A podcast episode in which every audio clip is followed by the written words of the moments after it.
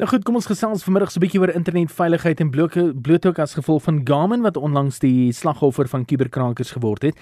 Baie mense wat nou wonder wat staan hulle te doen om hulle aanlyn veiligheid te verseker. Nou, hoewel die krakers meestal 'n manier vind, is dit steeds jou plig om jou veiligheid tot so mate op te skerp dat dit bitter moeilik is om te kraak. Nou dink 'n bietjie daaroor. Hoe moeiliker die taak is om jou te kraak, hoe minder gaan die krakers tyd spandeer om jou data te probeer kraak.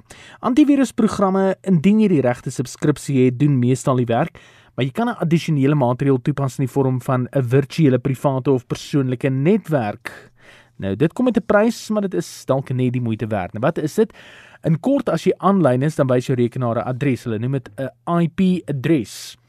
En dit is eintlik maar in leeketaal jou rekenaar se straatadres. Wat 'n VPN doen is, hy verander die adres na 'n land van jou keuse en hy enkripteer jou data tot so 'n mate dat dit byna militêre graad 256 enkriptasie is. Met ander woorde, hy vorm basies 'n tonnel op die net waardeur jou data dan verwerk word en enigiemand buite die tonnel het geen idee wat se data jy gebruik nie omdat dit 'n virtuele netwerk is en die adres wat jy dan besit nie werklik jou rekenaar se adres is nie, maar 'n FOP adres wat op 'n ander kontinent is. So hulle sien nie jou rekenaar se IP-adres nie, hulle sien die uh, eh, VPN se adres. Is dit die moeite werd?